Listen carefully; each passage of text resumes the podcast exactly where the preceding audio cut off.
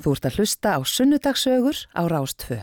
Og þá er komið viðmælandi í Sunnudagsögur og hann heitir Hjeðin Svardal og hvað á ég að segja? Hvernig, hérna Hjeðin, ef ég ætta hérna kynna þig, hvernig myndið, hvað myndið þú velja? Já, það er góð spurning. Um, svona í setni tíða þá uh, ætla ég sé ekki bara fyrst og fremst farastjóri. Um, það er svona það sem ég er kannski mest að gera. Já, rítöfundur. Rítöfundur, jú. Svona allavega hef uh, skrifað og, og hef þann draum að skrifa mun meira. Um, maður er alltaf ekkert neina að að leita tíma til þess um, og sér, fyrir sér í hyllingum að á morgun getur maður farið að setjast niður Já. en, en uh, morgun er alltaf á morgun Einmitt. þannig að uh, ég þarf að fara, fara svona að spýti lofana með það en, Og svo ertu, þú starfaði lengi á Líðhelsu, er það ekki stöð? Jú, uh, Líðhelsu stöð sem varð svo hluti af ennbætti landlæknis Um, var þar starfandi sem verkefnistjóri eða sérfræðingur held ég að verið tillaður í, í rest um, þangu til í, í fyrra. Já, þá breyti fjölskyldanum og flutti til Kosta Ríka Þá maður heyra það hér. En Svarfdal, ertu, ertu ættar úr Svarfadal? Já, um, ímsar tengingar eh, inn í dalinn fagra. Uh, Amma Petrína Eldjárn uh, fætist uh, og já, svo sett valin upp á, á tjötn og um, hennar fólk er, er staðan og þar leiðandi móði mín líka. Um, nú Afi sagt, maður Petrinar hann uh, var líka úr Sarðardalunum hérna, og það er það sem þetta nafn kemur. Hann hétt Átnarsson þó hann, hann reyndar aldrei notað Sarðalsnafnið þannig að þá uh, tók ég það upp svona rétt áður en að hann dó svona honum til heiðus uh, og börnum mín fengu þetta nafn líka. Já, einmitt. Og geta þér á Kosta Ríka sagt þetta? Nei og það er nú svolítið, svolítið ókostur sko að, að e, nafnakerfi þar er, er eins og á spáni. Þannig að þeir lítar að gerna ná að, að nafnið fyrir miðju sérin aðalnafnið sko eða ættanafnið um, ég er líka Björnsson og, og vel að minnst að pappi heitinn hann var hérna, skólastjóra Húsabakka skóla. Hann dróð tengdurinn í dalinu öðru leitin en maður bara faglega. Já, hann, hann, heit Björn. Þorleifsson. Já, og mammaðinn móðinn er Sigrun Stefánsdóttir. Jú, akkurat. Það var nú eins og hér hjá okkur lengi vel á útvarpinu. Mikið rétt. Já Já, já. Og um, já, en, en uh, þannig að ég er gætnan tillaður uh, hérðin Svardal í Kosta Ríka og um, alls konar útgáfur að þessu. Um, maður læti það ekki, ekki tröfla sig en það að það heiti hérðin í gegnum tíðina í, í hinum af þessum löndum hefur nú ekki kannski verið íkja uh, þjált heldur. Sko. Nei, það eru oftast örglega verið héttin, er það ekki? Jú, eða heitin eða uppáhaldin mitt var í bandaríkjunum sem krakki, þá er í stundum kallaður hýðin sem að hérna er, myndi íslenska sem heiðingi já. sem er sem sennilega alveg rétt nefni. Já. Emitt. En hvar hérna slistu basskónum? Sko ég fættist á Akureyri, Akureyri en, en uh, fluttist uh, snemma söður, bjó í Breiðholtinu hérna í Vestubergi til að vera með. En uh, svo var stutt við komanir í Skaftalíð áður en að leiðin lág til bandrækjana og það var eða þar sem að ég ólst upp. Um, fór sennilega, hvað, ég verið, verið fimm ára eitthvað þar um vil, 1980 og um, Já, þannig að ég ólst upp í Minneapolis í Minnesota. Já, já. Óttu, er það bara svona þínar æsku minningar svolítið? Já, ég var að, snundum að dorga bara á Mississippi í hérna, fljótinu með bambustöng og, og hérna svona Mark Twain stemning, sko. Já, já. En já, mamma giftist bandarækjamanni sem að reyndist mér og okkur mjög vel og hérna um, fór það, þar í, í, í fínan skóla og, og bara leið vel. Það var Ég hafði raunni hérna tækifæri þá til að koma alltaf heim og, og jafnvel líka um jól sko og sumur uh, alltaf þannig að ég held uh, tengingum svona sterkum við, við Ísland og var alltaf mjög svona staðráni því að verða, verða áfram Íslingur og afþakkaði á sínum tíma ríkisborgari rétt þegar hann böðust. Hefði ekki áhugað því enda þá þurfti þá að, að, að um, uh, afsala mér í íslenskum ríkisborgari rétt. Það voru, voru reglunda þá. Einmitt, þannig var það þá. En já, þannig ég hérna, kom alltaf heimreglulega hérna, en vissulega, ég myndi, myndi alveg klárlega að segja að ég hafi bara alveg upp í bandaríkjónum og þar lendi þurfti ég að taka bara stóra ákverðun uh, þegar ég var svona komin á, á, á mentaskóla aldur, hvort að ég ætlaði bara að verða að kana eða hvort að ég ætlaði að koma heim og uh, verða íslendingi mm. um, og ég valdi það síðan enda og, og fór í MH sem að var eiginlega einir framhanskólinn sem að, að var svona það liðlegur þá til þess að, að bjóða mig velkominn hérna, inn í skólakerfið á ný.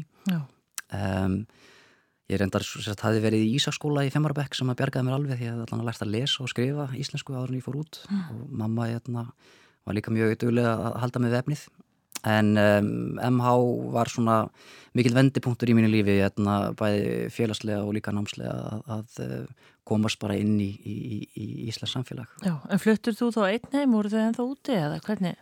Nei, sem sagt, uh, stjúpappi minn var áfram úti allan eitthvað, mamma var þá flutt heim og, og starfandi þánir á, á lögvegi hérna í, í sjónvarpinu. Já, á konan, Akkurat með mitt og um, þannig að við byggum þá í, í flókugutunni og, og, og ég röldi eða hjólaði bara í, í MH og, þaðan og hérna um, þannig að við byggum svona mest megnist tvö hérna á þessum þreymur árum. Ég, hérna, mér lág eitthvað svo rosalega á að, komast aftur út í, í háskóla hérna, ég, ég, Flýttið bara að gera þetta? Já, núna náttúrulega er námið þryggja ára nám en, en, þá var það svolsvið fjara.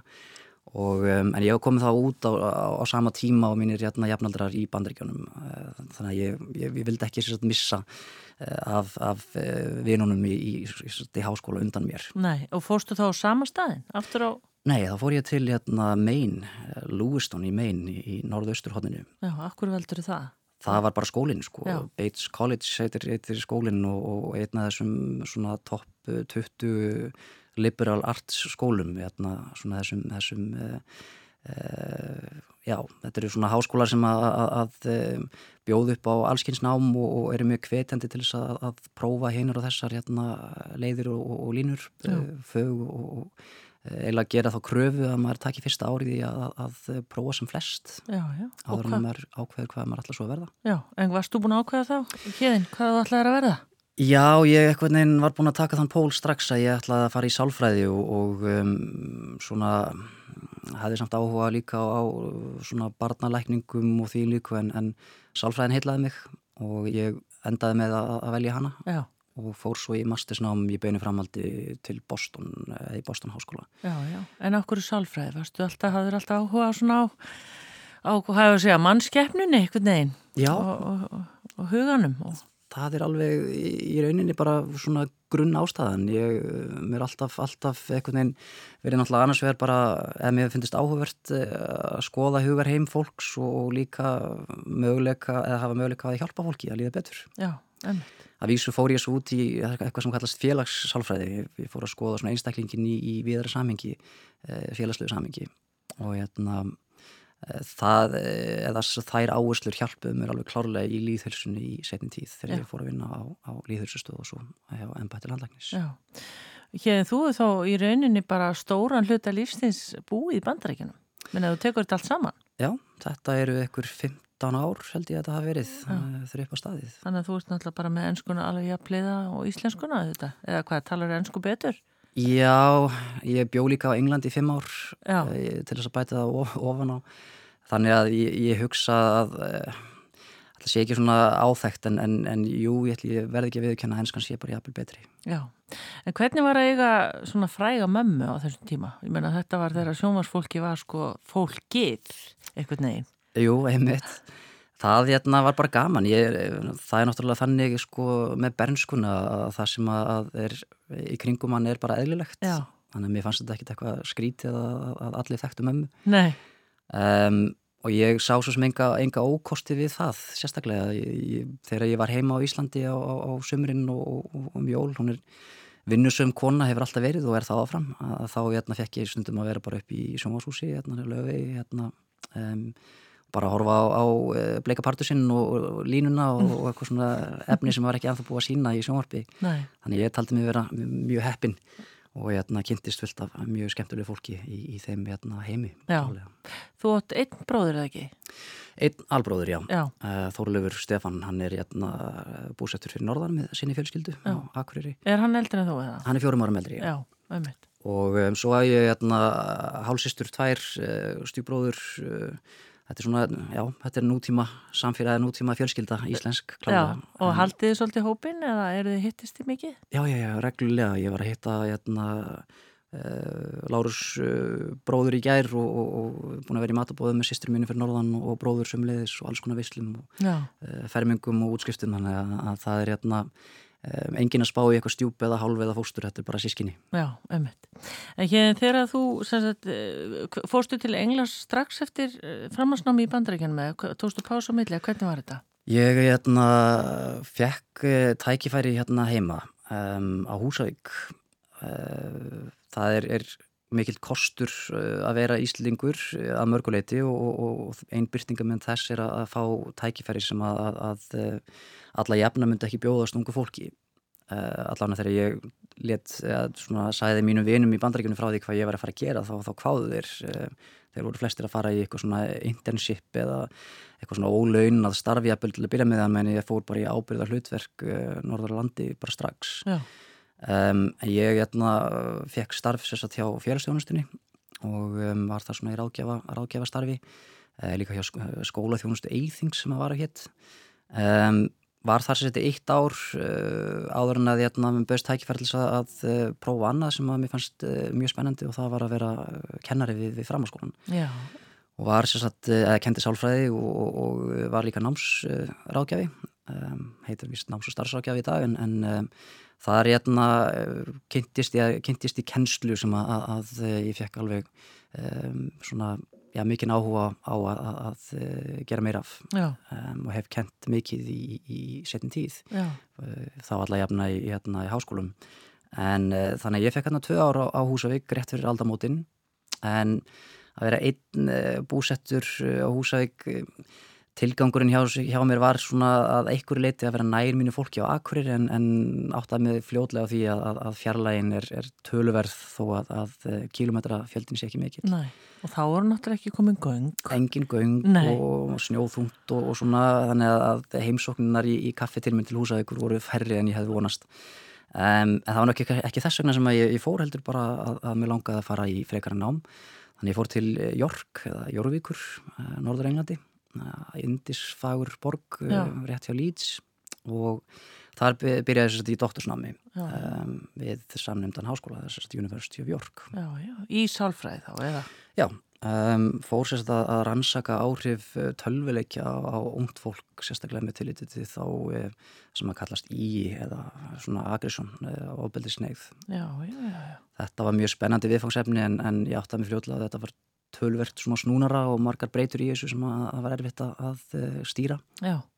en já, þarna var ég í fimm ár um, vann líka hérna, við rannsóknarstörfi við, við uh, stopnin þar sem var hérna, tengt í skólan já, þannig ég var hérna á launum svona síðust árin og, og, og það hérna gerði allt auðveldra að þurfa ekki að, að bæta enn frekar en ámslánum við. Já, einmitt, og þetta eru þá svona, hvað ég voru að segja uppgangsárin hér á Íslandi, er þetta árin fyrir 2008 eða 7? Já, það var allavega svona farið að örla, örla fyrir hérna, þessari haxæld um, Englandi hérna, er, er uh, dásamlegt land uh, mörguleiti en, en um, já, ég fór svolítið á mis við tækifæri til þess að verða ríkur sennilega, en það var ég bara þarna ekki á, ekki á háumlaunum við, við háskóla í, eins og þú segir. Nei, einmitt. En já, Þannig að þetta voru, voru dásamlega ár svona þangað til uh, í rest. Ég, hérna, Þá hvað? Um, já, þannig að ég bara sorga að sagja. Hérna, 2003 janúara þá hérna, fekk ég simringu frá, frá bróðum mínum þar sem mér var uh, tjáða að pappi okkar hafi fyrirfarið sér. Og um, það var svona vendipunktur í, í mínu lífi. Mm. Um, maður reyndi svona eitthvað en að, að klöngrast áfram í gegnum námið en ég fann bara að áhugin var farin og um, 2004 og þá hugsaði ég þurfti bara að, að breyta til. Um, ætla nú svo sem ekki að hætta í námi sem slíku en ætlaði bara að taka með pásu. Maður veit náttúrulega hvernig það er eh, enda gerðnan hjá manni að pásur verða alltaf lengri og lengri og, og, og svo missum maður endan tráðin en ég hérna, fekk tækifæri til þess að fara hérna, ég fekk uh, tilbúðum stöðu við háskóla í, í söðaustur Kína og ég hugsa að það væri bara, bara fínasta tilbryting að gera bara eitthvað allt annað í allt öru umhverju og, og, og svona aðeins að uh, sleikja sárin og, og kúpla sér út. Já, en það er nú engin smá áskorun að fara þángað? Nei, það er hérna, ég reyndar hafi komið þángað einu svona áður þá í svona ráðgjafa hlutverki í, já, tvo mánuði, tveimur árum fyrir það. Þannig ég, ég þekkti lítið samfélagi og það var nú eiginlega held ég svona stór ástæði fyrir að ég, ég fekk tilbúð. Uh, margir útlingar hafa farið til Kína og snúið hælir mjög fljótt sko, eða snúið á hæli fljótt eh, enda menningin er mitt svo, svo gríðalega frábriðin að margir eiga erfitt með hana Já. en þar sem ég hefði komið á gáður og þætti til og vildi koma aftur og þá listið mér ákveðla á mig og, og það já, voru gríðarlega ævintýri og skemmtileg sem að byggði mér þar En hvað fórst að gera hér? Ég kendi, þess að það var lektor við háskóla í eh, borg sem heitir Jiaoqing sem er svona já, ætla sé ekki svona þrýru halvur uh, tímar að, sigla upp uh, hérna með uh, hérna Perláni frá Hongkong Já, og um, ég hérna uh, já, gerði mig best að, að kenna kynverjum vestræna sálfræði. Já, já. og um, stopnaði líka hann að lítinn ennsku skóla með, með eh, bandarískum félagi mínum. Genum það svona hérna, sem hlýðarverkefni þar kynntist maður ímsu líka bara að stopna fyrirtæki og setja upp. Það náttúrulega var mjög erfitt og í rauninni nánast ómögulegt fyrir útlinga þessum tíma. Mikið vatrunundi sjávarti síðan í Kína sérstaklega eftir ólimpíuleikana 2008 en þarna voru mjög fári útlingar og, og um, sem dæmi að það máttu útlendingar ekki fá eða fengu ekki leiði til þess að keira í, í landinu. En ég let það ekki stoppa mig og, og kefti mig móturhjól sem ég þurfti að skrá á, á, á vinn minn kímeskan að þegar löggan stoppaði mann svona í, í eftirlítis hérna, tilgangi sem að gerist nokkur sinnum og þá nendur eiginlega aldrei að standi í því að, að skriffinskunni sem að sjálfsagt myndi því fylgja að, að dröslas með eitthvað útlending að að lögstöð þannig að þeir eiginlega bara hristu hausin og sagðum bara að keira áfram Já.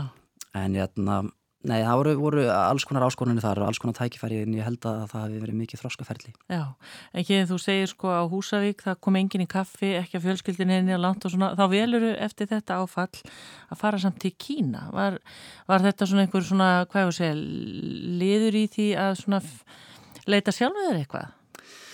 Sennilega, ég hugsaði nú svo sem ekkit svo hérna djúft á þeim tíma sko, það var sem ég myndi öruglega segja að þetta var eitthvað svona flótti en, en fyrir mig var þetta einmitt bara, já, tækifæri til þess að, að eh, svona eitthvað neina að sapna saman sko mínu tilflingum og, og, og uh, hugsunum og, og hérna, komur eitthvað neina aftur að stað. Þetta var ekki hugsa sem sko endilega endastöð en það var ég hérna bara í tæp tvö ár. Um, og eiginlega aðalega var það bara launin í, í Kína voruð þá svo lág að, að eh, bara að borga lín hérna lánin var var, var mjög erfitt fyrir mig um, það tók alveg bara mánaða launin mín á einu bretti að, að borga þau um, en eh, já, ég hugsa að það sé alveg alveg eh, svona rétt mat eftir að þetta var tækifæri til þess að, að bara að jafna mig Já, einmitt Þú skrifa svo bók sem að svona, er svolítið tengt Kína og fær velum fyrir. Hvað segðu okkur aðeins frá því? Eins og sé, ég var ekki að hafa um launum og hérna var uh, á leiðin í hérna, fermingu hjá frænda mínum þegar heim er þið komið. Ég var búin að taka ákvörðunum að fara heim til Íslands hérna, rétt um áramótin 2005-2006 og ákvað að gefa honum bara eitthvað sögu, svona, ég ætlaði að skrifa bara eitthvað stuttsögu handonum og, og gefa í fermugjöf en það las hann ekki mikið þá og hérna þetta áttu svona að vera kvetjandi til þess. Annars vegar og líka bara hins vegar uh, tækifæri fyrir mig að æfa mig að skrifa. Ég ætlaði að ekkert skrifað á íslensku í langan tíma. Og ég ætlaði að fara að, fara að vinna á íslenskum atvinnumarkaði á nýjan leika þá væri nú sennilega gott að vera uh, sæmulega skrifandi. Um, Þannig að ég hérna, skrifaði stuttsögu sem var svo alltaf lengri og lengri og, og endanum skaldsaga um, bara einfallega vegna sem ég fannst svo gaman. Já. og hérna hann var nokkuð sæl með uh, þessu gjöf en ég hendi svo líka inn í, í þessa samkeppni í Íslensku barnabókavelunin og um, var nú nánast uh, Já, ég var nú vægt til orða tekið hissa þegar ég fekk sem ringuna um að ég hefði unnið til þessari veluna. Ég átti aldrei vona því. Já, og hún heitir? Háski og hundakjött. Já, um, er þetta sannsögulega reynsla frá Kína eitthvað? Já, ég nýtti allan allt sem að ég hefði upplifað og sjálfsögur náttúrulega er eitt og annan sem að maður bæti við sem að, að ég lendi nú ekki í persónulega. Nei. Það þarf að vera ævintýra, það þarf að vera ævintýra ljómi kringum þetta og en jújú, uh, jú, teitillin allan að ég lendi bæði í háska og, og þessu síðan þetta en, en, en ég bjó í Guangdong hér þar sem maður borða allt ah. og ég er ekki að, að uh, réttlæta það eða, eða styðja en Nei. svona er bara lífið hérna í þeim, þeim hluta heims og uh, þykir bara eðlilegasta mál Já, en hvaða áhrif hafið þið þetta á frændan? Fór hann að lesa og þetta hafa margi lesið þessa bók fyrir utan hann náttúrulega? Já, um, jújú, jú, hann hérna, er búin að lesa mikið og er, er hérna, allan að læruður maður í dag Já, já, þannig að þetta virkaði Já, ég skal ekki, ekki taka einn hérna, heiðurinn af því en hann alltaf og fóröldur hans hérna, eiga nú mest, mest að hluta af, af heiðurinnum að því að að hvetin áfram í lestri en, en vonandi var þetta ekki hérna, til þess að letja allavega. Nei, en svona bara aðeins áður um hveðin Kína, hvað hérna er ekki bara allt ólíkt því sem við þekkjum í Kína? Jú, það er það sko, ég hérna hef nú haft forréttindi að fá að fara til Kína á hverju einast ári síðan þá. Ég byrjaði strax eftir ég flutti heim að verða farastjóri fyrir þá, þá heimsverðir núna setna í setjum tíð sagt fyrir Víta og þannig að um hverju einustu páska ég farið til Kína aftur og alltaf þá á sömu staðina og þá sér, sér maður hvernig samfélagið er að breytast og þróast, mótast. Það er að verða vestrætna mm. um, og í rauninni alltaf þægilegar og þægilegar fyrir, fyrir okkur vesturlandabúa að heimsækja. En að þessum tíma var þetta alveg gríðilega framhandi og eins og ég nefndi að þá voru mjög fáir útlendingar á stjái þannig að maður var svona pínu já, það var svona stjörnuljómi í kringum hann og, og ekkert tíma hann var tekin mynda mér hérna, og, og, og vini á veitingastað. Við bara brostum hérna vandræðilega og þegar við komum aftur eh, nokkru veikum setna á sama veitingastað þá var mynd af okkur á öllum eh, diskamáttunum á veitingastaðinum Uh, bara svona dæmi um, um, um hvernig maður upplýðir sér svona sem pínu stjórnu en já ég menna maturinn, menningin allt tungumálinn alltaf sérstaklega gríðarlega oft sem maður var að valda miskilingi og miskilja þessi litla kímiska sem maður, maður læriði á þessum tíma um, já hún bauði oft upp á, upp á hlátur heimamanna Já, en ertu búin að viðhalda henni? Getur þú bjargaðir aðeins á kímisku eða? Já, svona með þetta helsta, ég, veist, ég get farið á veitingastæði og panta með mat og spurtir vegar og, og svona, en ég get ekki tekið þátt í, í pólitískum umræðum eða heimsbyggilegum og kýmjösku langt í frá. Nei, en það er þetta mjög gjarnan eh, svona flokka sem eitt af erfiðstu tungumálum í heimi. Eh, það er eiginlega helst þessi tónar sem eru, eru erfiðir og, og Ég, man, ég myndist á að ég var að, að ferðast mikið með móturhjóli og, og ég hérna, þurfti að vera með svartan hjálm sko, með svona skigni til þess að það sæðist ekki framann í mig en það hérna, var ég ella bara að, að eh, skapa áhættu í umferðinni, fólk var náttúrulega bara gapandi að sjá útlendinga á hjóli eða móturhjóli, þannig að, eh, að vera í 35 stegi hýta eh, og sól hérna, með slíkan hjálm á höfðinu þýtti að ég þurfti ofta að stoppa að kaupa vatn. Já. og ég læriði hérna eitthvað mjög góðan frasa sem, heitir, sem er bara washangja að því ég bara ég vil fá. Já. og svo bætti ég við hérna uh, sway en maður þarf að, já, að, að ég held en já. alltaf flissuðum en hérna, mér, mér fannst það svona skondið fyrst en svo fannst mér þetta pínu dónulegt að verða þegar ég var að gera mitt besta. Ég sagði washangja sway. En málið var að ég var að nota vittlisson tón á sway þannig að í staðin fyrir að segja mig langar í vatn þá var ég að segja að vilja sofa í búðinni. Já þetta fannst mönnum að sjálfsögðu mér fyndið og, og mér líka þegar ég fattaði það en, en, en, Bara eitt tótt og það bara þýðir allt hana Já, já breytist á. merkingin alveg fullkomlega. Þannig að þú getur kallað mömmuðina hest að þú notar ekki réttan tón. Ótrúlegt. Hérðin, við þurfum að skauta áfram að því við erum svo skemmtilegt hérna sem við ætlum að tala í setin lutanum en áðurum við hérna tökum hlið segðu okkur, þú kemur heim frá Kína þá fer að vinna hjá ennbætti landlæknis eða hvað?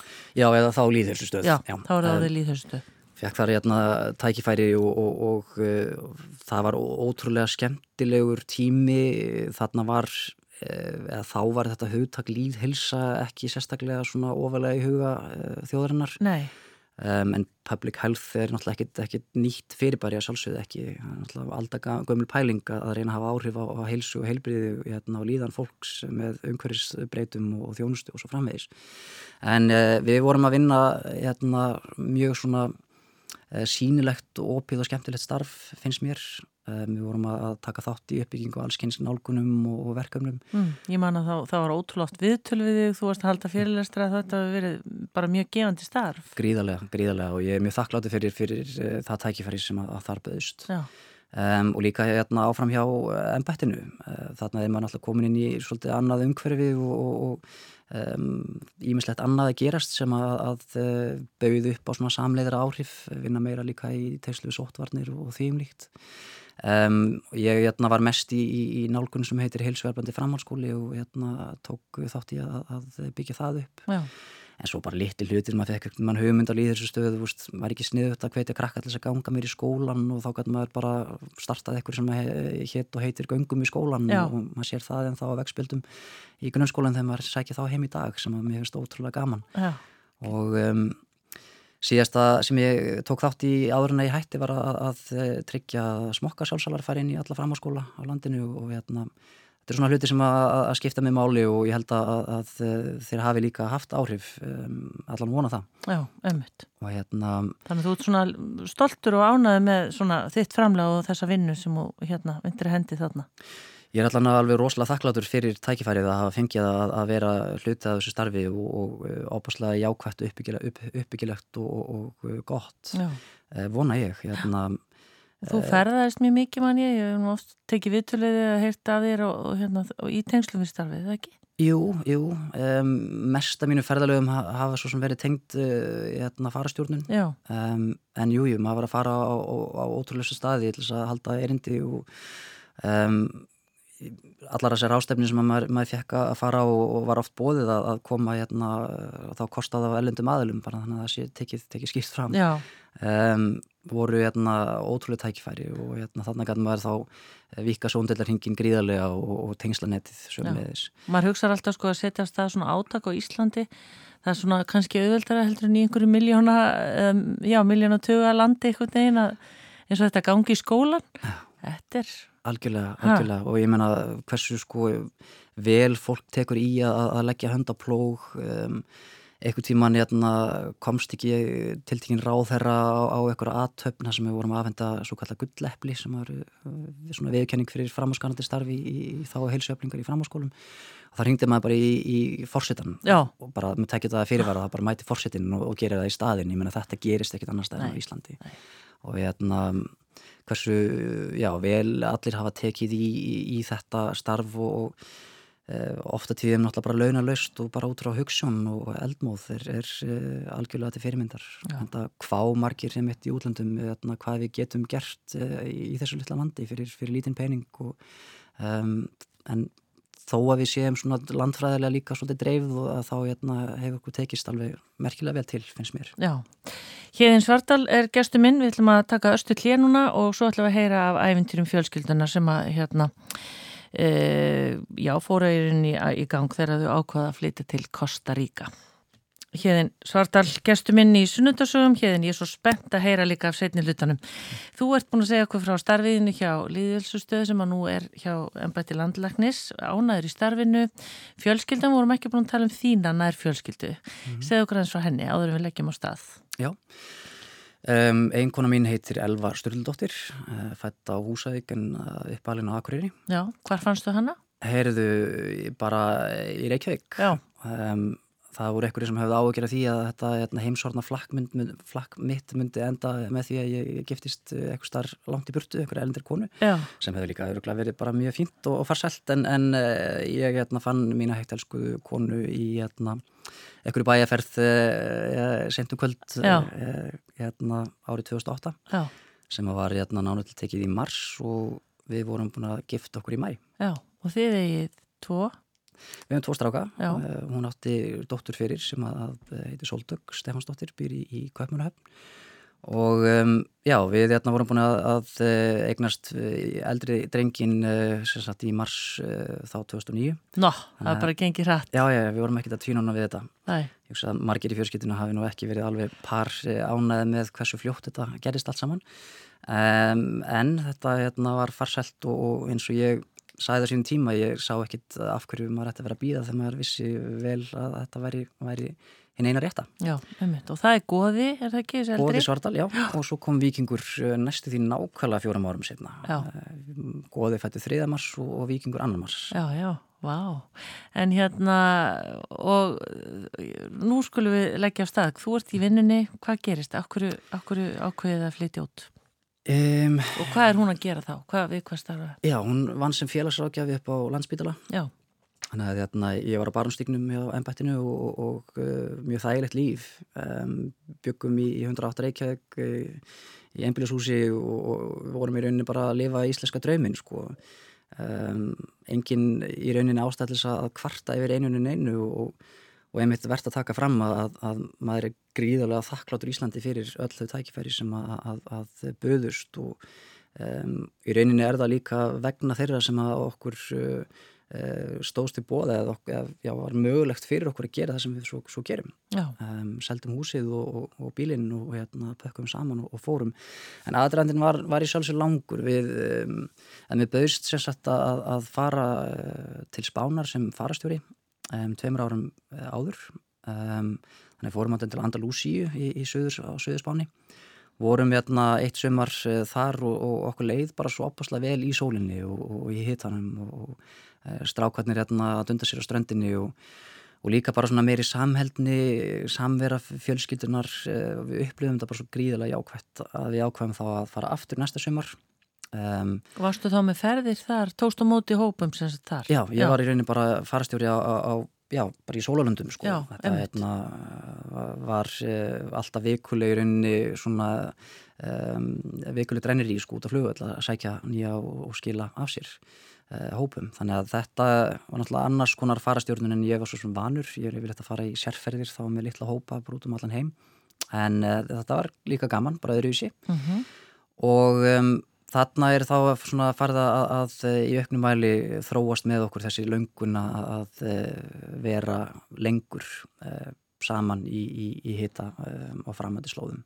Sérstaklega við fórum yfir til Norður Afríku og, og, og svona rúnduðum um og sáum bara hversu, hversu mikið þérna, strákarnir hefðu upp úr þessu, um, hvað þeim fannst þetta spennandi og gaman og hversu þægilegir ferðarfélagar þeir voru. Um, kom bara í ljósa að þeir þérna, voru bara færir í flestan sjó. Uh mhm. -huh. Um, þannig að við byrjum bara svona að láta huginreika og, og, og fórum að, að um, svona að láta okkur dreyma. Já.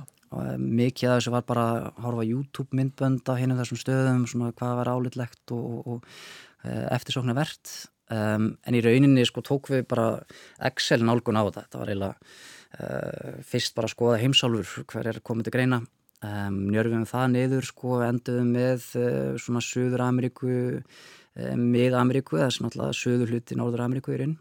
Um, og okkur fann Söður Ameríka svona aðeins of eitthvað uh, langt í burtu. Hugsanlega ekki alltaf örugt allstaðar þó að það sé náttúrulega sjálfsögum með misjamt með landa og svæða. Um, en með Ameríka eitthvað neina var svona já, uh, þægilegt upp á að ferðast að mill Íslands og, og, og, og þess svæðis. Um, og þegar maður horfir á miða Ameríku þá er ekkit rosalega mörg lönd sem að koma til greina. Um, maður er ekki fara með fjölskylduna til Honduras til að mynda eða El Salvador. Um, þannig að Costa Rica kom fljóðlega upp úr öllum þessum listum sem við grandskoðum um, varandi lífs uh, gæði, hamingju, umhverjastætti, mentun, uh, heilbristjónustu og svo framvegis. Þannig að þið bæði búin að starfa svolítið við þetta, þannig að þetta hefur verið svona kannski svolítið aðal máli hjá okkur að finna land þar sem ykkur myndi líða sem best. Já, algjörlega og, og það sem við værim ekki í rauninni að láta börnin líða fyrir þessa æfintrið þrá. Vildum ekki að, að börnin myndu já, sjá eftir því að hafa farið eh, vonandi þert að móti kvorki með til þetta mentunarinn ég er bara í rauninni aðbúnaðar að öllu öðru leiti mm. en að sjálfsögur náttúrulega er eitt og annað sem að er ekki eh, hálfkvisti við það sem að er hér en við búum í, í eh, norðvestu hlutanum hérna á svo kallum Nekoja skaga um, sem hefur verið, verið skilgreint sem blátt svæði eða blue zone sem er eitt af þessum svæðum í heiminum sem að, að fólk lifi lengur og er hamingisamara og Meina, við eh, tökum svo djúft í ára að segja að þetta sé bara paradís. Já. Þarna eru endalusar kvítastrendur, eh, páfuglar og apar að dúla sér í kringum hann og um, auðvitað náttúrulega er eitt og annað sem er kannski miður gott. Ég menna það er ójöfnuður, uh, það er náttúrulega einhver fátækt í kringum hann um, og það eru áskoranir. Um, þannig að ég er ekkert að segja þetta sé úst, algjörlega galla lust uh -huh. Mhm. samfélagi, alls ekki en okkur finnst allavega það margt uh, vega þingra í, í hináttina í ákvæmskilningi hérna, á þessum vogaskálum um, að við erum Eh, allavega að svo stöttu að rekna með að vera aðna áfram um, um ókomna tíð. Mm. En hérna þegar þið takja ákvörunan þið eins og segir, selja húsið, selja bílinn rífa allir með rótum uh, þetta er meirinn að segja það. Ég meina, hérna gekk þetta alltaf eins og í sög og, og, og var ekki fólk alltaf, og hvað ætlaði að fara að gera? Jú, að sjálfsögðu og það er bara mjög eðlilega spurningar. Um, margi sem að hafa örgulega að hugsa þetta sem bara brjálaði um ég heyrið mjög ofta að við varum alveg rosalega hugrakk það var svona þeman í, í svona viðbröðum fólks. Margir sem sagði já ég var alveg til í þetta en þór ekki. Og vissulega þar maður svolítið kjark, ég menna þetta er óvisa sem maður er að fara út í. Mm. Er þið bara að kaupa ykkur í rauninni frá fyrstu, fyrsta degi one way ticket eða sem bara aðra leiðina? Já, um, það var bara þannig. Við bara sendum uh, hálfan gám hérna, til þess að strákanir allan hefðu sitt dót og svona, það var ekki fórn á öllu sínu þeir vildu endilega halda sínum reyðhjólum og eitthvað svona hlutum sem að bara allir lægi, við bara sendum það en mest uh, af okkar dóti hérna, fór í, í góða hyrðin eða, eða já, var selt. Eða seldu, Já. já. Um, en við fórum, já, algjörlega út í óvissuna við sem í rauninni ekki einu svona hvar í Kostaríka við ætlum að búa. En ákveðu, hvað, hvað sáuð þið fyrir ykkur þið færið að gera til dæmis? Sko, ég er svo lamsamur að, að fá að halda í ákveðin verkefni hérna heima og er áfram farastjóri hjá Víta, er að fara út um allan heim, bæði siglingar og, sérferðir. Um, þannig að það er svona ákveðin... Um, Festa? já, svona, og tek, tekjulind sem að ég sáli fyrir að, halda áfram eða hafa áfram. Um, svo er ég líka að vinna við þýðingar og svona og, og kenna fyrirbæri sem heitir áhuga hvetjandi samtal eða motivational interviewing með, með kollega hérna heima. Við rekum hérna þetta saman tvö. Já. Þannig að ég hérna, er með verkefni sem ég gæti alveg unnið bara í gegnum tölvu og síma eh, frá Kosta Ríka. Þannig að maður var ekki að fara út í algjöran tekju skort uh, ytra. Mm. En draumurinn var og er að, að uh, fara út í einhvers konar rekstur. Um, fyrst voru við að spá í hótel og svo voru við að spá bara í eitthvað svona bed and breakfast. Svo fórum við að spá í veitingarstaði og svo fórum við aftur að hugsa um hótel, við erum að fara eftir ring eftir ring og í rauninni bara fer eftir hvað, hvað dagur vikunar er, uh, hverju ég svara, hvað við erum að fara að gera. Já, En tók, við tókum sérst alveg markvisa ákvörðun í byrjun að fjárfesta ekki um, strax. Uh, enda þegar ég fór að tala við hóteleigundur sem voru að selja, að þá var alltaf endur tekinn þeim að þeir keftu of fljótt já, og voru ekki búin að tryggja að fjölskyldan væri ánaða á þeim slóðum sem þeir voru búin að velja sér. Jafnvel í sömu tilfellum að kaupa og koma svo með fjölskyldana sjörutir. Um, það eh, kom já, mjög fljótt í, í ljós að það var ekki heila vanlega uppsetning á þessu. Þannig að við hérna, ákveðum bara að við ætlum bara að býða í eitt ár. Ég er þá talsett í burtu sem ég, ég var. Um, og um, þannig að hún var heima svolítið með strákana? já, og vorum með hérna au pair hjá okkur líka, íslenska.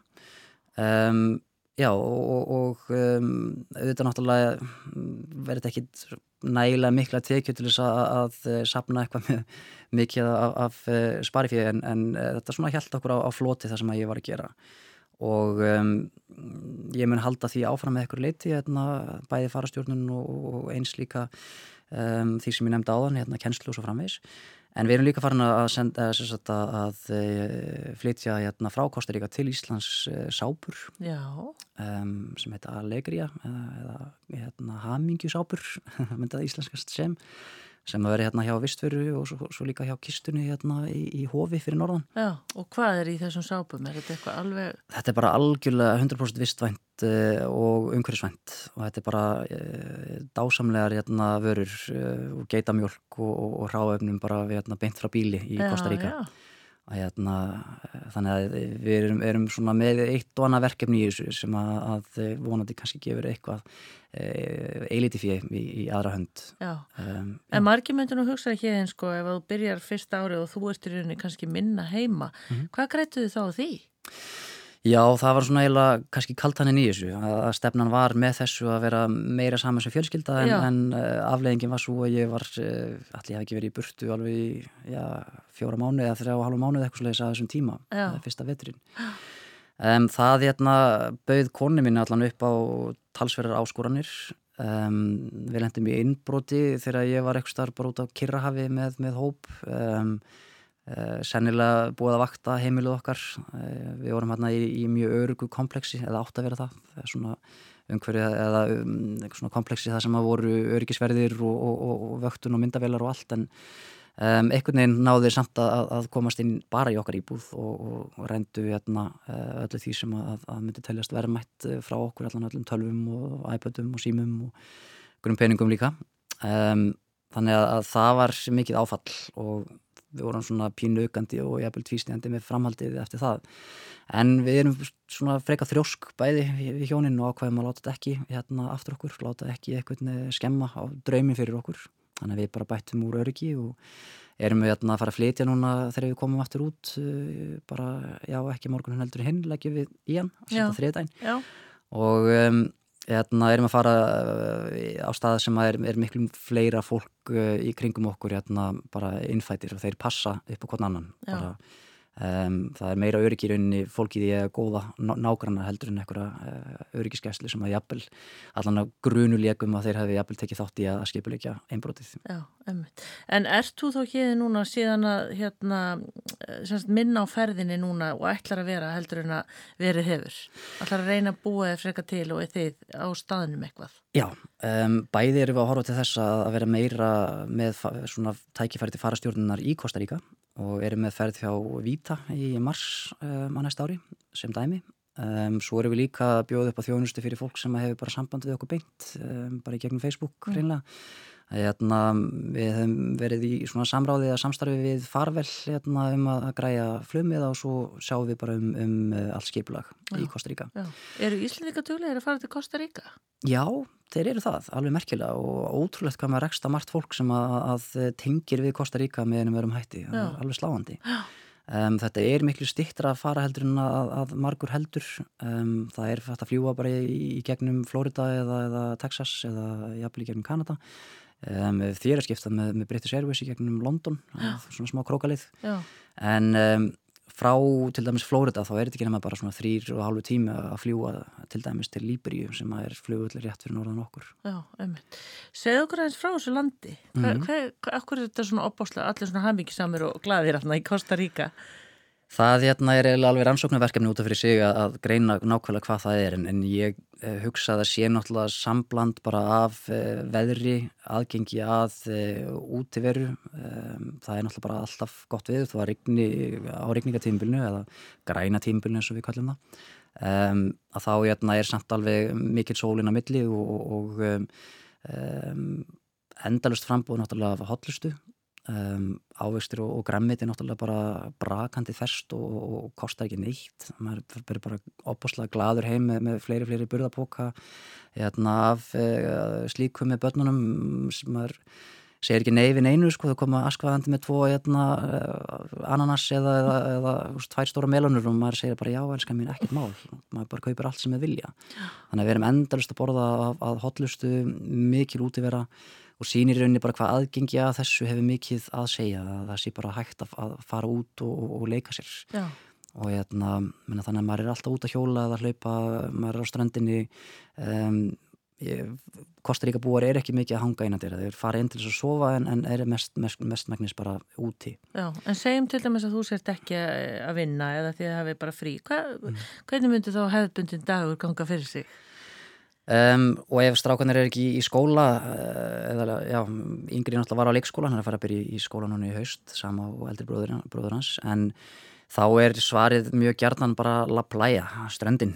Það er að fara allir á ströndina þegar það tækir færi gefst uh, bara dúla sér annarkvort hérna, að leika sér á ströndinni eða synda og, og snorkla og, og hérna, skella sér á brimbretti og um, já, bara njóta lífsins í, í sólinni. Já, En er ekkit heitt? Er ekkit of heitt eða? Um, það er náttúrulega volið afstætt um, hvað fólki finnst og í, eða misjamt, ég menna fyrir okkur er, er 35 steg heiti bara mjög þægilegur Já. en það veit ég er ekkit allra um, þetta venst hins vegar ótrúlega vel og fljótt og með því að búa við sjóin þá náttúrulega fær maður líka smá svona uh, andvara, Já. smá hafgólu og um, og er ekkert lúsmi? Nei, það er, en það eru moskítoflugur og, og sérstaklega náttúrulega hérna, í ljósaskiptum að þá þarf maður að, að passa sig á því að, að vera hérna, búin að spreja um, eða jafnvel bara koma sér inn um það leiti uh, sérstaklega á reyningatímbilinu þegar það eru kjöra aðstæðar fyrir þær.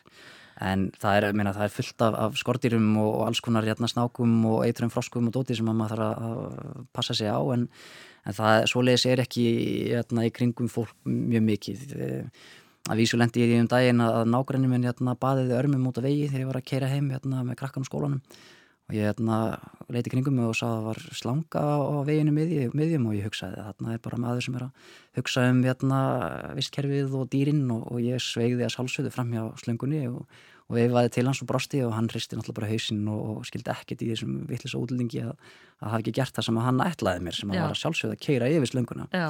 Þannig að hann þurfti að fara inn í, inn í hús og ná í, í skambesuna sína og skjóta kveikindið en það var þetta alveg baneitruð slanga sem að þarna var ferðinni Já, ummitt Hér svartalöfur alveg kannski átt að segja á því Nei. en svona allt annað sem að þú veist, lítur að skóla og kerfi og, og læknistjónust og svona hvernig, hvernig virkar það? Er maður, er maður hérna fljótur að komast inn í þetta allt?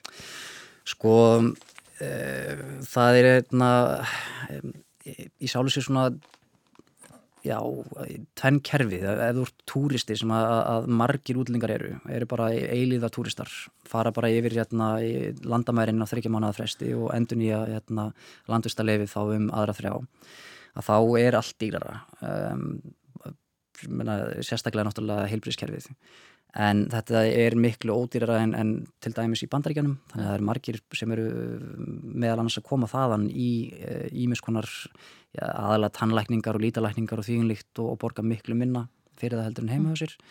Þannig að það er, er, er, það er fín, hérna, fínt heilbríðskerfi um, mentakerfið er mjög gott.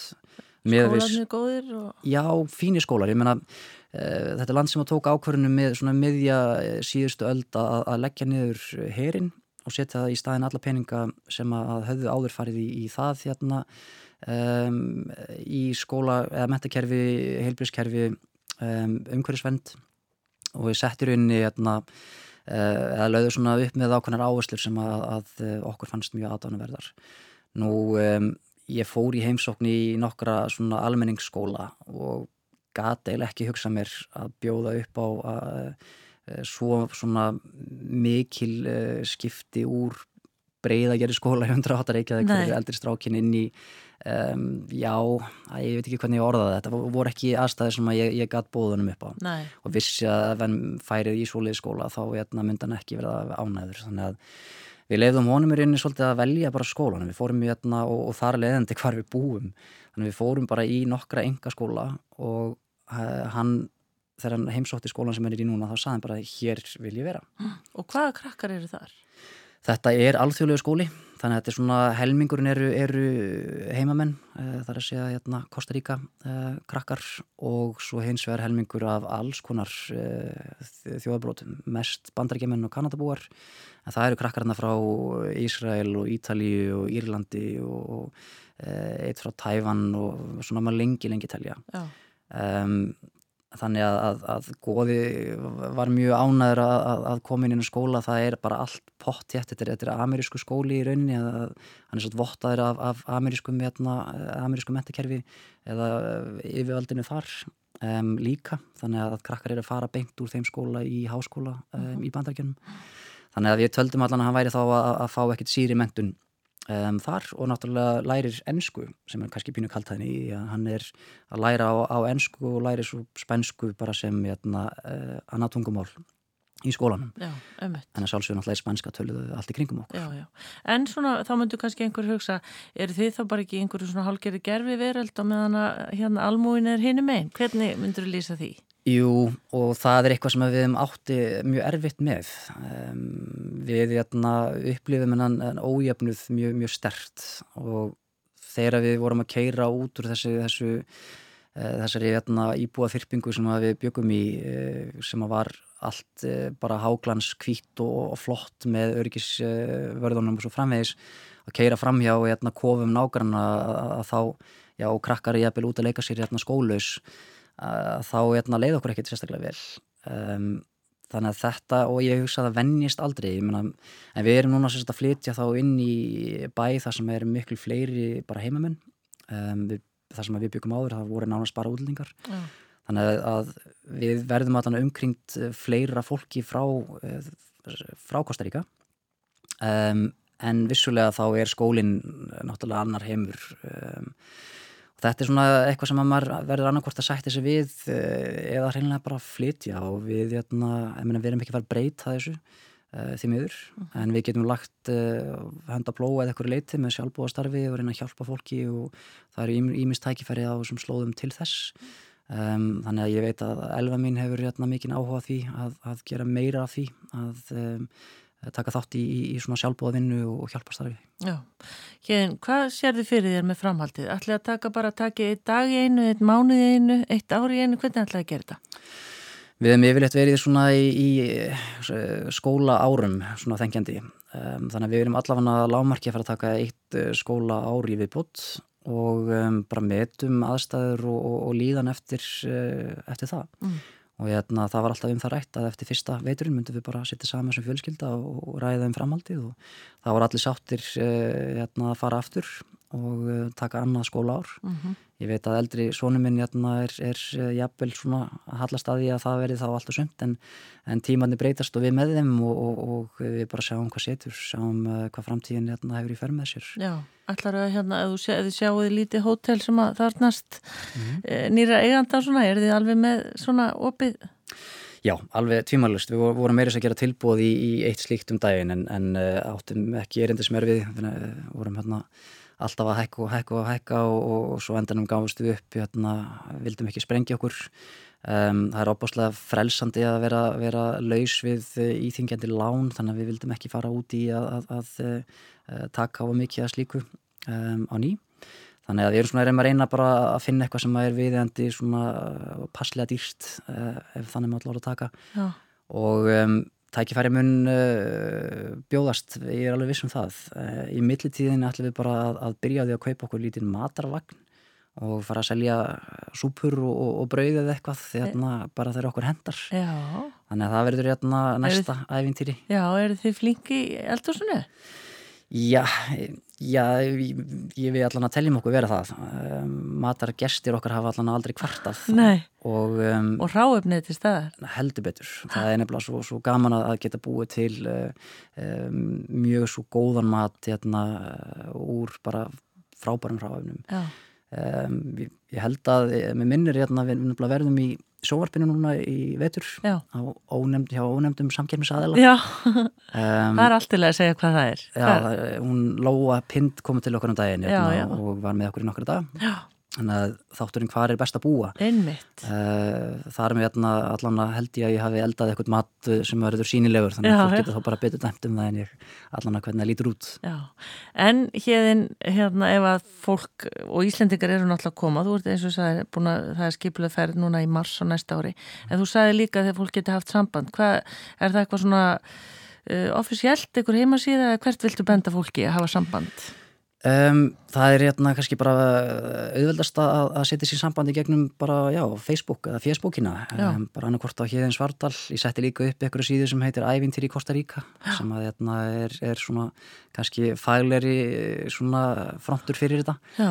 en um, já, eða bara reynilega að senda mér tölupóst þetta það er allt aðgengilegt á, á helstu leitarvélum ef fólk hefur áhuga á Costa Rica bara slá inn hérna nafninu mínu og, og uh, senda mig tölvupúst. Já, ummitt. Þegar þið komið aftur út, þið leggjast á þriðdægin að því hann búið að vera svo gott viður, sérstaklega hérna á Suðvesturhátinu, hvað er heitt þá hjá ykkur í Kosta Ríka? Það eru, að voru allan í gær uh, eitthvað 30 gráður uh, og um, regnir svona, já, af og til um, yfirleitt bara nóttunni þannig að við hlökkum mikið til að komast aftur í hittan. Já, og sjáu fyrir ykkur að koma ekki aftur fyrir kannski næsta sumar eða hvað?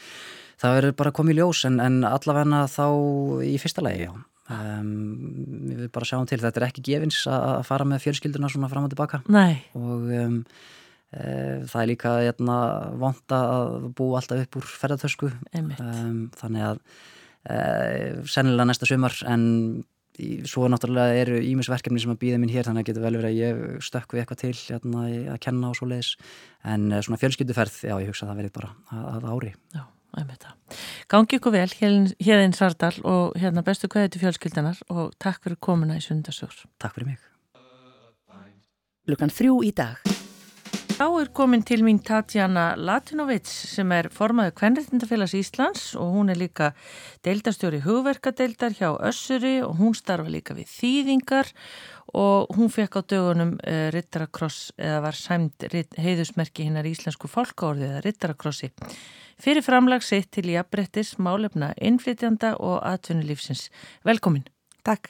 Og til hamingi með þetta allt saman. Mm, takk hérlega fyrir. Ég var nú svo heppin að hérna, fá að taka við viðtalum daginn hérna í sítiðis útdarpinu, það var nú á hérna kvenritinda deginum. Já. Og hérna hugsaði þá að þú ætti nú skilið að fá aðeins lengra viðtal, af því ég vissum að fólk vil nú aðeins vita svona þína fórsögu. Ef ekki bara byrja á byrjunum, Tatjana, hvaðan kemur þú? Já, ég kem frá uh, landi sem er ekki lengur til, sem héti Jugoslavia, eins og land Suður Slava, er uh, fæður uppalinn í uh, Kroatíu, megin, en hef verið alltaf með annan fótinn líka í Belgrad í Serbíu að við fjölskyldin mín er þaðan. Já, einmitt. Hvaða áreistu fætt? 67. 67. 67. Já. Mm. Uh, kannski af hverju erst á Íslandi? Já, uh, ég kynntist manninu mínum við, sem er íslenskur þegar við unnum saman fyrir alltaf deild Rauðakrossins í fyrirverðandi Jugosláfi og við sagt, kynntust og byrjum saman og giftum okkur úti í Belgrad og ákvöðum svo að koma hingað að eignast barn. Já, hvaða, hvena var það? Það var oktober 94 sem ég flutti til Íslands. Já, einmitt. Og var það ástæðan kannski fyrir ólkunni á heimavelli eða hvernig? Olgan var búin að standa í nokkur ár, það var eiginlega bara að fara að róast. Aftur, aftur að þannig, það voru nokkur slæm ár eftir það í Bosníu en uh, nei við bara að við hann er íslenskur og, og, og, og okkur langaði, eða mér langaði líka bara að kynast hvaðan hann kemur og hans fjölskyldu. Og þessu tímapunkti fannst okkur bara þetta er rétt í stöðinni. Já, og síðan eru liðin hvað? 25 ár, 25 ár. við hefum 25 ára brúðgóðsæmali bráðum. Já, hérna, já, já. En hvernig er Tatjana að vera frá landi sem er ekki lengur til? Þú lítur að hugsa svolítið oft um það. Já, ég hugsa ofta auðvitað, hugsa maður auðvitað það bara fer eftir því hvernig maður uppalinn og hvað, hversu sterka þjóðurniskenn maður upplifir og hversu maður samsvara sig við, við, við eitthvað Ég hef aldrei, uh, það hefur verið aldrei sterkt í mér, uh, einhver þjóðurni síkja eða, eða, eða eitthvað svo leiðis, uh, þannig að ég hef svona bara tekið það pólhæðina að það er ekkert eitt eilíft Nei, og emitt. þetta er bara einhver svona rammi sem er í kringum mann. Landið var svona stopnað sem ég bjóði í svipun tíma á Íslenska líðveldi, þannig að en auðvitað ásið miklu lengri sögu. Þannig að það er svolítið elrið og flókið að segja í einu orði hvaða maður er. Það er eina sem, sem getur flókið að maður er ekki með sterkar þjóðurnískend og, og, og, og landið er ekki langar til en um, maður bara tekur þetta bara svo, svona hverju öðrum hlut en, mm. en það er að af hverju er þá Serbia meira þitt eða ykkar heimaland? Um, að því að þannig að ég er sernest af serfneskum ættum, etnisk er serfnesk og móðurfjölskylda minn er þaðan frá ja. norður uh, Serbíu. Og föðurfjölskylda þó að hann var fætur í Bosníu þau fluttu einhvern tímann uh, til þannig að norður Serbíu þannig að öll ættin minn er þar. Já, og ég á engan lengur í Króti fóröldri minnir bara fengu vinnu þar og, og, og fluttu í, í þessu borg í Króti sem ég ólst upp í. Þannig að uh, þau eru látin þannig að það er ekkert lengur þar sem dregur mig þangat nema og þetta er bara fyllt af vínum og, og goðir minningar. Já, en, en þegar við fyrum heim heim þá, í heimsóknir þá förum við til Serbíu. Já, einmitt, en, en svona munurinn á bara, er þetta lík lönd já, bara, já, já. Íslandingar feina sjá ekki mun.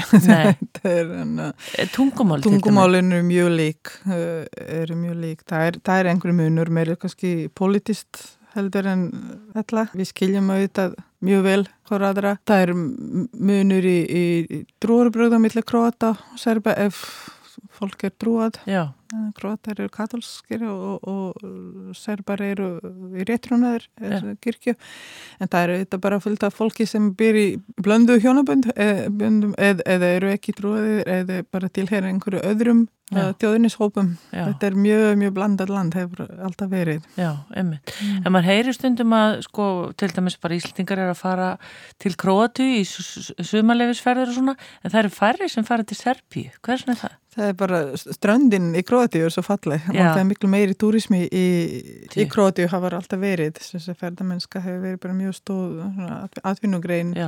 En ef ég fer til Serbíu, hvað, hvað myndur þú þá mæla með bara svona í stuttumáli? Er ekki margt að skoða? Já, já, það er margt að, já, já, já, það er margt að skoða. Ég, ég velgræði einu skemmtilegustu borgum í heimi. Þannig að mér finnst alltaf gaman að fara þar svona og upplega einhver svona borgarmenningu. Þetta eru falleg fjöll það er falleg náttúra þegar maður fer svona suður. Nálega landamærum uh, Bosníu og svo Svartfjallalands og jú, þetta er margt, margt að skoða. Ég held að þessi líka bara svolítið að allavega núna þegar ég fer út þá tekið eftir ferðamönnum, þegar ég ekki tekið Það- eftir því Já, áður. Já, já, já, Já, gaman sé að hjóla. Já, gaman að fara hjóla herrferðir Já, svona góður matur, já. góð tónlist. Já, frábært, Mm. já, örgulega mikil menning. En Tatjana, hvernig hérna þegar þú kemur til Íslands 94 hvernig gekk þér svona fótað þig í íslensku samfélagi þá? Bara mjög vel. Ég, mér var tekið mjög uh, vel á öfnum ör- örmum og það var auðvitað bara svo mikið að gerast líka í, í engalífinu mínu. Ég var hætt að vinna og, og var á barni og, og þannig að svona fyrstu snertifleiti við Ísland voru mædravernd og, og að læra íslensku og, ala upp barn þannig að uh, mér fannst þetta bara mjög skemmtilegt og, og svona þetta framandi en ég hef ekki farið í gegnum þetta áður þannig ég þekkti ekkert annað þannig að ég er svona típist íslensk mamma held ég já, Mm. en varstu, varstu einangruð eða eignaðistu strax einhverja vinkonur? Ég vini? egnaðist vinkonu strax í gegnum manni minn og, og vinafólkið hans þannig að uh, það var líka bara það sem gerði mikið fyrir mig Já, og það sem Mm, voru kannski líka eignast börn og, Já, já, já. við vorum svona svipuðum stað Já. öll, og, og fjölskyndan er þetta stór íslenska hér þannig að uh, nei, mér fannst aldrei vera einangur En hvað fannst fjölskyldinni útið og var að flytja til Íslands? Vissuðu bara yfir höfum hvað Ísland Nei, þetta er uh, já, já, þau auðvitað bara þekktu mannin minn. Kynntust honum þar Já. og, og, og, og líkaði mjög vel hann. Segir stundum að hann sé guðatölu þar. Þannig að þannig að- en auðvitað var þetta erfitt og, og á þessum tíma, þetta var fyrir tíma Skype og, og internet jú, internet var ju komin þannig en það var við ekki vorum- svona daglegt Nei, samband. það var ekki daglega samband, ég var að skrifa bref og, og mikið og, og búið til svona vídeospólur Já. af, af barninu og, og við vorum að hringja en það var líka dýrt. Þannig að þannig að það var alltaf öðruvísi. Það, það var auðveldara að einangrast þar. En það er kannski líka að vissu leiti er betra upp á það ef maður vill aðlagast samfélaginu hér því maður er ekki alltaf með hugan við eitthvað sem er heima. Já, heldur getur maður svona einblýsi meira, meira á, á stað og stund emmitt, já. Mm. En hvernig er, hérna, ertu í stórun sískinahópi eða hvernig? Já, eina sýstur Já, sem er ári yngri en ég já. Er hún Þannig. úti í Serbíu? hún er út í Serbíu, já, og ég kem frá er, við erum ekki mörgne og, og mamma mín átti eina sýstur Og þau eru bæði Þetta er- látin sem mamma er já, og pappi? Já, sem, en, en uh, pappa megin á ég aðeins stærri fransískina hóp og við höldum ekki sambandi og, og börnum minn líka. Þannig, Eru þau búin að koma til Íslands? uh, Já, nokkur, nokkur hafa komið til Íslands, já, Já. já. og líka bara mjög vel Já, Mm. emmitt. Þannig að eh, hvernig, ef við bara tökum hérna þess, þessi ár þegar þú ert svona, já, nýflutt heim, búin að eigna spann, ert svona þokkalega svona vina tengd og svona, en svona almennt uh, svona útlendingar á Íslandi þá er ekki alveg ótrúlega breytt landslagi eins og með við í dag. Já, það var ekki mikið um okkur þá. Uh, voru, uh, ég mann það var svolítið að svo sett, fólki frá fyrrvendi Jugoslæfi sem voru að spila fótbolta. Já, Eh, eh, einmitt. Þannig að það voru nokkur þar og, og ég fór auðvitað strax að læra íslensku. Fór í námsflokka, Reykjavíkur sem var bara æðislegu staður líka. Já, sem er náttúrulega leikillinn svolítið. Já, já, og þar kynntist ég svona uh, alls konar fólki, ekki mikið, en það var bara samt, ég, mér, mér fannst svona, ég hefði tilfinning og flesti sem voru að koma á þessum tíma voru einmitt svona svipuð stöðu og ég, það var átti íslenska maka og þetta var ástæða komu. Já, Mm, fyrir því að þú kom. Já, þannig að það var líka eitthvað til sem hétt mist og nýbúa. Já, Skerjafyrði, Já. já, já, þannig ég fóru nokkra fundi þar og svona, þetta var svona samkomustæður fólks. Já, emmitt. En þú segist að það var kynst manninu þínum uh, fyrir, í starfi fyrir Rauðakrossin. Hvað heiti maðurinn þinn? Dagbjörður Helgi Guðmundsson. Já, og hvað voru þið að gera eh, fyrir Rauðakrossin? Hvað? Uh, hann var sendiföldur í Rauðakross Íslands og hann var, uh, uh, hann var, ég held að hann hefur farið fyrst að að fylgja, um, hvað heitir þess að, flutningum Já, hjálpar milli svona stríðslína og svo var hann að vinna í, í Bosníu við að hann er verkræðingur uh, að gera upp til dæmis um, geðdild spítala í einni borg Já, já. og eða svona einhversum tilfellina verkefni sem Rauðikrossin var að Standa fyrir. sta- standa fyrir. Ég var uh, að vinna í deild einmitt það hétur í líf þetta voru einmitt bara flutningar á, á matarhjálp milli stríðslína þannig að ég var svona byrjun að stýra þessari deild Já, frá Belgrad og fór líka þetta er alltíða deild Rauðikrossins alltíða ráð Rauðikrossins frá Genf. Þeir starfa í stríts uh, Hrjáðum. hrjáðum uh, landum og svæðum og, og eru mikið í uh, aðal sem sagt, vinna er að heimsækja stríðsfanga og líka um, leita fólki. Já, tracing sem, er týnd þannig að ég fór oft á uh, það eru fangaskipti eða fórum í, í fangabúðir og svona því að konur máttu fara milli stríðslina, ekki karlar ekki kallar. Já, þannig að við vorum sagt, það voru þó nokkra konur sem voru að tólka Já. og eða, fara Já. þetta. Og hvernig starfar þetta? Maður spyr sig. Ég var svo ung og það var í, stríðinu þannig að þetta auðvitað bara þekur þetta á en á þessum tíma fannst mér bara það eina sem, sem verðt var að gera, Já. að gera, gefa af sér og hjálpa Já. Fólki Um, en auðvitað er þetta eh, líjandi og erfitt starf já, og sérstaklega til lengdar. já, og kannski erfitt þegar maður er búin í vinnunni og maður hætti að hugsa um þetta. Já, Já, já, já, já, þetta bara var eini og teki fjölskyldu þá og svona, þannig að þetta var alltaf öðruvísi. já, ömmit. En getur þú svona bara rétt en við heyrum svo hvað þú fórst að taka þig fyrir hendur á Íslandi. Uh, bara það að upplifa stríð eins og fyrir okkur hér á Íslandi. Það er náttúrulega ekki takt að einhvern veginn að lýsa þig bara, eða hvað? Nei, sem betur fyrr. Þetta er, uh, auðvitað þetta erfitt og, og að því þegar ég var allast upp þá var ég allast upp eins og fólk er allast upp á Íslandi.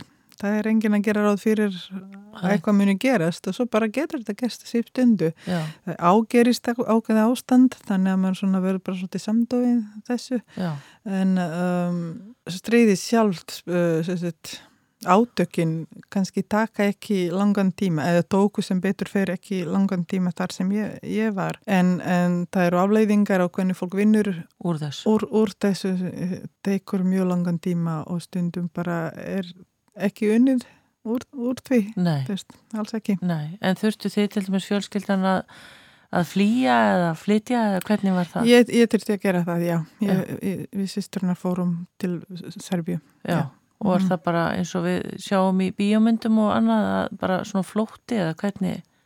Já, já, það var það, var það þegar, þegar við fórum, já. Já, Já. já. Mm. finnst þér erfitt að tala um þetta? Já, já. Já, ég trú því, Mm. já, ömmit. Þá skulum við aðeins fara yfir í þegar þú kemur til Íslands. Hvað hérna þegar að, hún heiti Freyja er það ekki, Jú. eldri Mhm. stelpan og svo þið strák. Já, hann heiti Damjan, Já, og hvað Mhm. árið hann fætur? 98. 98. Mm, 21. En hvað hérna, varstu heimaviðandi lengi eða hvernig langaði þið. Uh, já, ég fór strax í, veitu, ég fór strax að, læra íslensku og, og læra íslensku og svo fór ég í háskóla. Þannig að uh, ég kláraði háskóla 98. Það var- Háskóla Íslands, Háskóla Íslands, já, ís, íslensku fyrir erlendu stúdenti. Ég er mentuð í tungumálum frá Kroatíu, kláraði þar ensku, þísku og bókmyndir. Já. Þannig ég fór hér í, í, ská, í háskóla og kláraði íslenskuna 98 og fekk þá, þannig ég var þannig séð jú heimavinandi en, en í skóla og með lítil börn uh, og fekk þetta sumar uh, vinnu við að kenna flottamönnum frá fyrirvendi Júgoslavi íslensku og blöndósi. Já, Þannig að þetta var svona fyrsta vinna. og fluttuðu þangað, fórstu Ég, bara... ég fór og með börnin og maðurinn minn var að koma um helgar. Já, þannig, já. að, þannig að þetta var skemmtilegt, þetta var bara sumarið við, eigum heima hér og, Já. og, og börnin voru lítil Voru það gaman. fjölskyldurnar sem kom á blöndós? Já, já. ummitt. Mm, og ég var uh, fyrst íslensku kennari þeirra nýjútskruð hér úr íslensku uh, en ég er svo sem kunni að kenna tungumál þannig að uh, mér fannst það mjög skemmtilegt Já, þannig að Mm. og læri maður ekki rosalega vel tungumáli þegar maður er að kenna það? Já, já, já, já, já, já, maður gerir það og, og, og svona líka bara skemmtilegt að kenna fólki á landið, það ég var líka bara tiltörulega nýflutt þangað, eh, hingað eh, sagt, Til Íslands? til Íslandska var ég búin að búa tæp fjögur ár, Já, þannig að allt var svona svolítið ferst eh, hjá mér líka, það Já. sem mér fannst skrítið eða óvenjulegt eða, eða þannig að þetta var bara mjög gaman og já, eftir það um, fekk ég fljótlega vinnu hjá þessari uh, og byrjaði að vinna þar. Og hef, þá hef ég nú þegar byrj, ég var að tólka og þýða Já. ég gegnum mín mistu nýbúa og svo hétt þetta setna allt í það hús. En hvaða starf bauðst þér hjá Össuri? Ég fekk bara starf í markasteld uh, og össurar og byrjaði að uh, vinna við, uh, eða bara fara yfir eða stýra þýðingum á leitvinningum af því að össur er aldrei fyrirtæki og selur vörun sína úti. Já, og þá þarf uh, að þýða leiðbynningar, notkunar leiðbynningar á mörg tungumál. Já. Þá kom sér vel að tala alltaf þessi tungumál. Og, þannig ég var að vinna við það. Og svona tilfallandi markaðsverkefni. En uh, var þjónustu földur fyrir uh, lönd, tískumælandi lönd. En svo árið 2000 fór ég í drónadildina og, og byrjaði ég að sjá um hugverkasafnið fyrirtæki sem ég er heitt í ennþá. Já, emmitt. Mm. Við ætlum að taka örstu hlýja núna. Tatjana Latinovits er gestu minn hér í sunnundasögum. Eh, Við ætlum aðeins að heyra betur af því starfi sem hún tók þarna við árið 2000 hjá Össuri eh, í hugverkadeildinni og hérna fáum nokkur auðlýsingur og höldum svo áfram. Óttur á Rástvö. Þá ætlum við að halda áfram að tala við hana Tatjunu Latinovits. Tatjana, beigir maður ekki nafni þitt bara eins og Já. Íslendinga gera? Já. Tatjunu, er Já, það rétt ég, mér? ég gerði það, jú. Já, já. einmitt. Heyrðu, við vorum að tala um hérna hvernig svona þú byrjar að, að feta þig áfram á, á hérna vinnumarkað á Íslandi. Hugverkadeild hjá Össuri, hvað útskýru það fyrir okkur aðeins? Hvað Já. er það eiginlega? Já, hugverkadeild er um uh, hugverk fyrirtækis Já, sem er bara starta eign nútíma fyrirtækja það er þekkingin sem, sem fólk sem vinnur í fyrirtækjum skapar. Allt, allt sem við, teljum allt sem við gerum er einhvers konar hugverk en þá er þetta bara ákvörðun stjórnenda ákvörðun hvað er gert úr því. Þannig að það sem við gerum er að við sækjum um engaleifi uh, vörumerki og alls konar hönnunaskráninga, hönnunavernd og svona til að sem viðhalda okkar stöðu sem leiðandi fyrirtækis í, í trón stó, stóðustundningstækja. já, Já. Þannig Er þetta skemmtilegt þar? mér finnst það, mér finnst bara mjög skemmtilegt að vinna við fólki sem frjótt, sem hugsar mikið, sem, sem skapar mikið. Ég er ekki tæknimendu sjálf, þannig að þannig að uh, stundum uh, þarf ég svona eitthvað tíma að skilja Já. hva, hvað fólk er að gera en, en aftur móti ég er svona á laga að skilja hvað þau gera og, og, og koma til einhvern veginn í, í, í orð. Já, þannig að þann, ég skrifa svo sem ekki uh, engalíf sem sem ég sjálf en, en svona tek, hef tókuð tekkingu á, á vörunum og, og ferlum hjá okkur. Þannig Já. að þetta er, er mjög skemmtilegt það er mjög uh, skapandi og gefandi vinna í drónadild já, einmitt. fyrirtækis Já. mm. Tatjana, svo ertu formaður Kvenréttindafélags Íslands. Hvernig kom það til?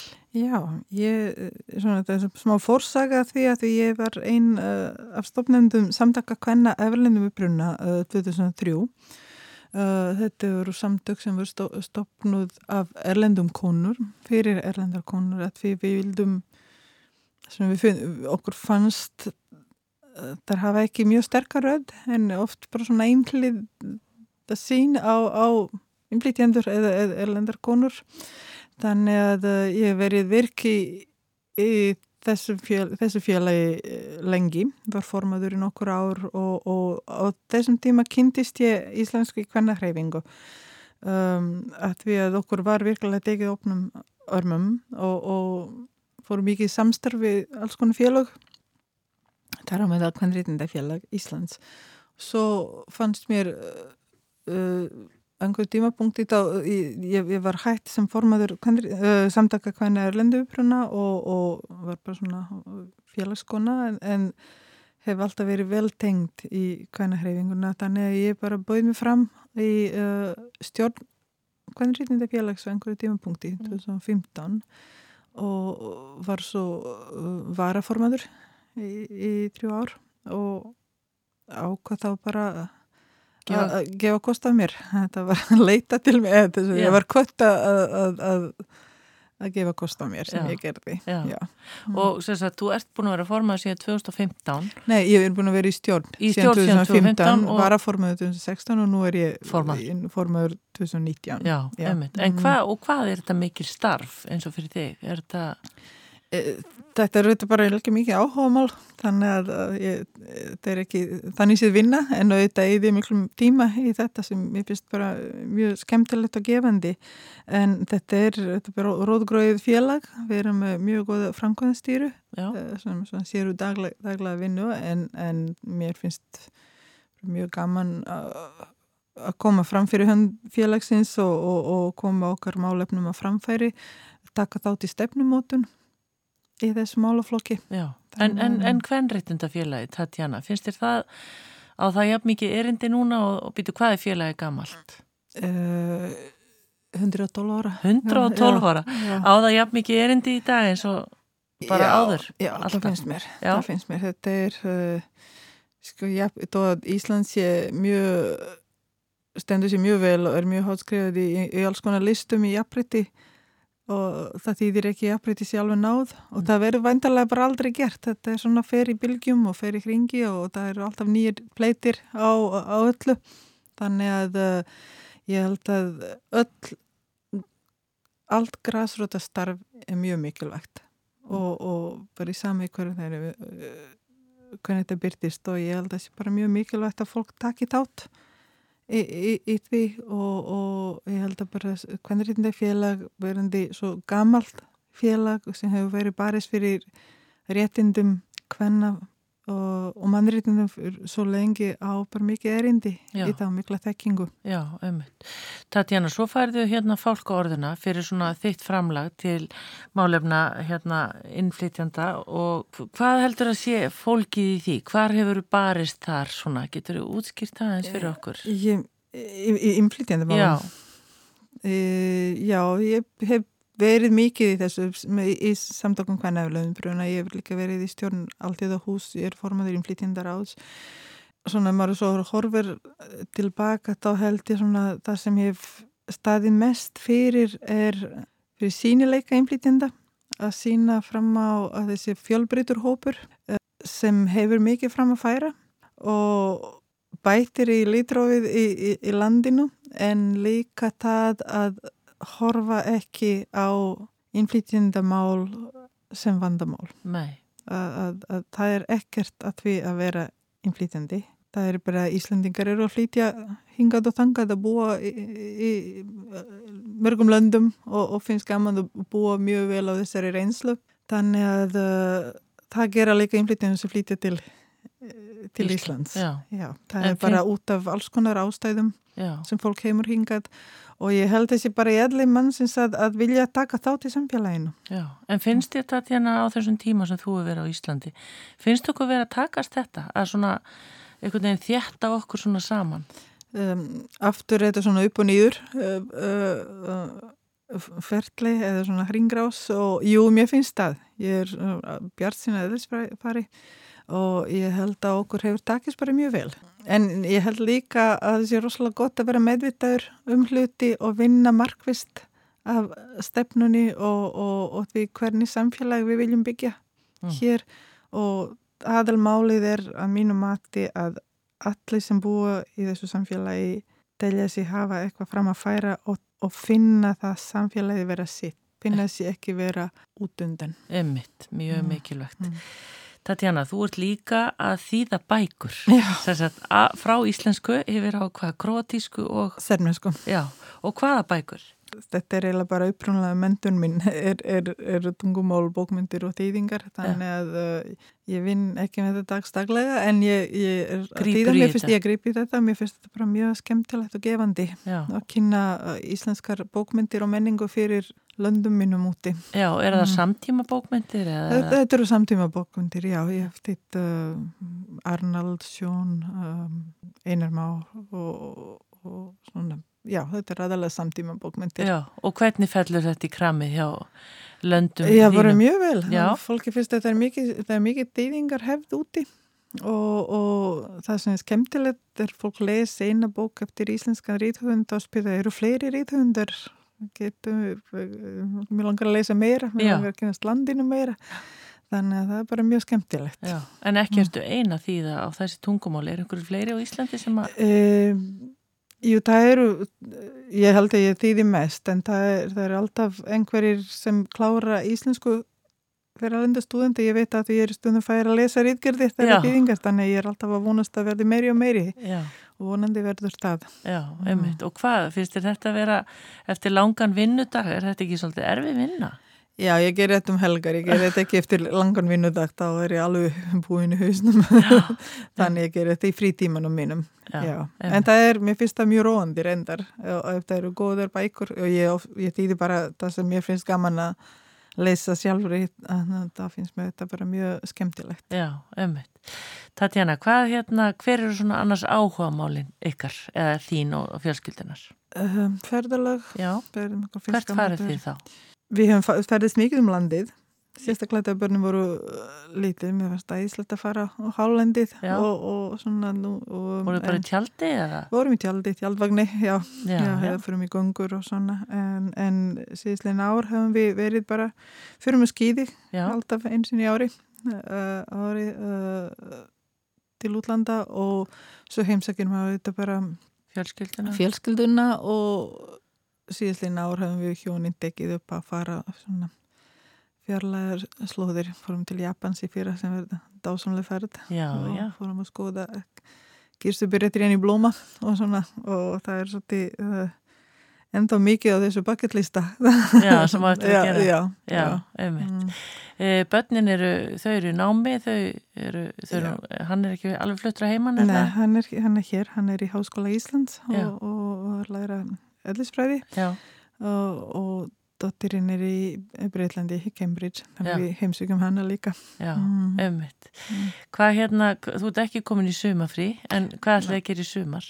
Við ætlum einmitt bara að fara til, byrja þau að fara til Cambridge og, og fara svo saman til Belgrad og svo ætlum við hjónin að fara á guttfallega eigu í Adriahafi í Kroatíu í Já. nokkra daga. Ó, Mm. þannig maður ekki bara ringi þig og maður ætlar að fara á þessar slóðir og þú mælir með ykkur. Já, ég gerir það svolítið, Já. svolítið, já. Takk fyrir komuna Tatjana, hérna ertu búin að sjá fyrir þér hvað ætlar að vera gömul? Ætlar að vera á Íslandi eða ætlar að vera, Ó, nei, ég hef ekki séð fyrir mér, nei, nei, það bara kemur bara ljós. Ég sá ekki fyrir mér um að flytja til Ísland, svo er ég hér 25 árum setna. já, einmitt, já. Mm. Tatjana, ég ætla að enda þetta hérna á einu af mínum uppáðslögum sem er einmitt frá Serbju, uh, sigurlægið í, í, í söngakefninni árið 2007. Ég fæ ennþá gæsa hóð. Varst ekki sko að ripnum stolti þegar þetta kom? Já, þetta var ræðislega lag. Já. Þetta heitir Molitva, bæn? Já, bæn. Já. Og þetta er bóðalega romantist uh, ástarlag eins og flest lögin hjá okkur eru og, og hún er svo dásamlega sönguna þessi, þessi stelpa, Já. þessi kona sem, sem söng Já. þetta. Er hún Já. ekki enn að, veistu það? Er hún enn Sko, að? ég bara veit ekki. Jú, ég, ég, ég hugsa það. Já. Það var líka svo áhugavert. Hún er um, Róma-ætum og, og, og Róma fólk er tekt fyrir söng og söngheft og, og, og, og svona þannig að já, hún er mjög held ég bara vinsæl úti. já, frábært. Heyrim þetta hérna, Mólitva. Tatjana Latinovits, takk fyrir komina.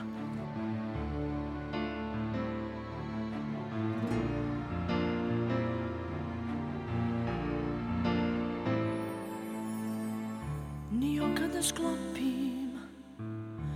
Postelja prazna, terasan A život se topi.